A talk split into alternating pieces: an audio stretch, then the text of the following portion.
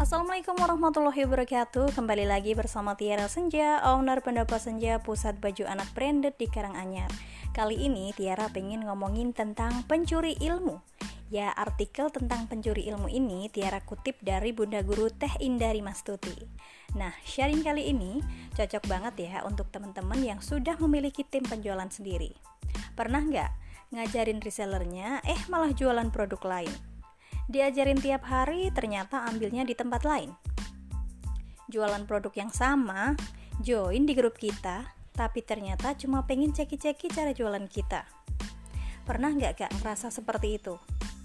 Atau pernah dengar curhatan temen yang kayak gitu? Ya, berasa ya ilmu yang kita ajarkan hanya untuk kepentingan si dia. Stop deh, stop berpikiran seperti itu ya. Mulai ikhlas berbagi ilmu, mulai tulus sharing, biarkan hasil akhirnya berjalan sesuai proses. Tugas kita hanya mendidik, tugas kita hanya sharing, tugas kita hanya berbagi ilmu. Untuk si dia yang memperlakukan ilmu kita semau dia, itu akan jadi amalannya. Amalan kita yang memberi ilmu. Saat dia pintar, pahala kita tidak akan terputus. Si dia jadi bisa jualan, si dia jadi dapat penghasilan. Si dia jadi cerdas. Itulah amalan kita yang tidak akan terputus. Persoalan dia tidak menggunakan ilmu untuk membangun bisnis dengan kita, itu adalah karena chemistry. Bisa jadi dia belum cocok sama produk kita. Bisa jadi dia belum ketemu pasarnya. Tapi, jadikan kebahagiaan saat orang menjadi lebih pintar karena didikan kita